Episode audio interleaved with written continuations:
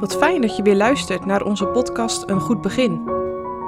We nemen je mee door het Evangelie van Marcus en helpen je om van stap tot stap dit Evangelie te begrijpen. Vandaag met Dirk-Jan Nijsink.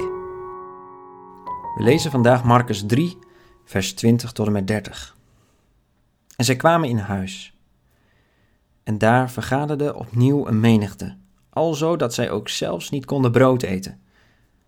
En als degenen die hem tegenstonden dit hoorden, gingen zij uit om hem vast te houden, want zij zeiden: Hij is buiten zijn zinnen. En de schriftgeleerden die van Jeruzalem afgekomen waren, zeiden: Hij heeft Beelzebul, en door de overste van de duivelen werpt hij de duivelen uit. En hen tot zich geroepen hebbende, zei hij tot hen in gelijkenissen: Hoe kan de Satan de Satan uitwerpen? En als een koninkrijk tegen zichzelf verdeeld is, zo kan dat koninkrijk niet bestaan. En als een huis tegen zichzelf verdeeld is, zo kan dat huis niet bestaan. En als de Satan tegen zichzelf opstaat en verdeeld is, zo kan hij niet bestaan, maar hij heeft een einde. Er kan niemand in het huis van een sterke ingaan en zijn vaten ontroven, als hij niet eerst de sterke bindt. En als dan zal hij zijn huis beroven. Voorwaar, ik zeg u, dat al de zonden de kinderen der mensen zullen vergeven worden en allerlei lasteringen waarmee zij zullen gelasterd hebben. Maar zo wie zal gelasterd hebben tegen de Heilige Geest, die heeft geen vergeving in der eeuwigheid. Maar hij is schuldig, het eeuwige oordeel. Want zij zeiden, hij heeft een onreine geest. Vroeger als kind was ik heel erg bang dat ik de zonde tegen de Heilige Geest zou doen. Misschien herken je dat wel. Ik had namelijk gehoord dat als je die zonde gedaan had, dat je niet meer bekeerd kon worden. Zo'n losse opmerking kan je bang maken. Het is dan altijd goed om te kijken hoe het in de Bijbel staat. Hier lees je het. Wat de schriftgeleerden hier zeggen is regelrecht het werk van de Heilige Geest, met wie Christus gezalfd was, duivelswerk noemen. Dat is heftig.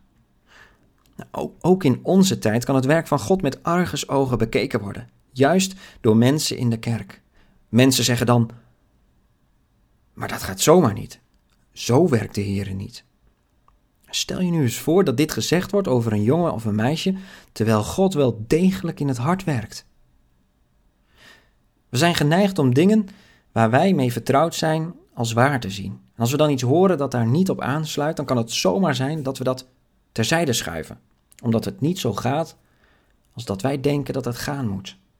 Voor je het weet heb je met al je eigen ideeën over hoe de Heere werkt, Gods werk afgekeurd. We kunnen dus op een vrome, rechtzinnige manier het echte werk van Gods geest verdacht houden. Het doet pijn als dat gebeurt.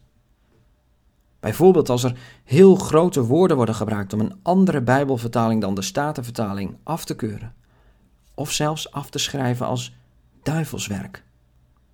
Als je daaraan meedoet, dan staat jouw profiel hier in de tekst en ik ben heel scherp. Dan speel je met vuur.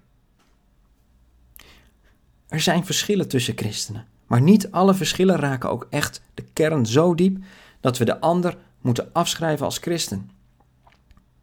Ik denk aan het voorbeeld van George Whitefield. Hij was een tegenstander van de dingen die John Wesley leerde over de uitverkiezing. Maar toen ze aan hem vroegen: Denkt u dat u John Wesley in de hemel zult tegenkomen?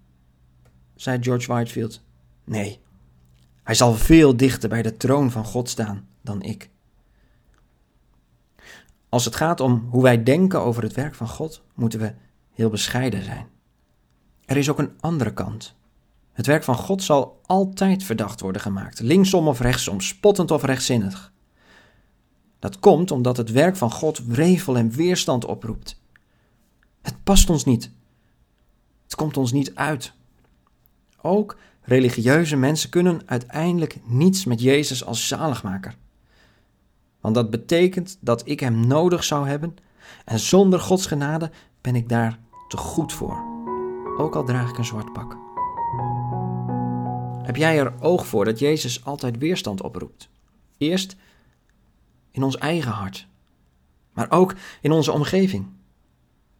Toch zei Jezus: Zalig ben je als de mensen allerlei kwaad over je spreken omwille van mij. Dat deden ze met Jezus ook. Dan ben je dus in goed gezelschap.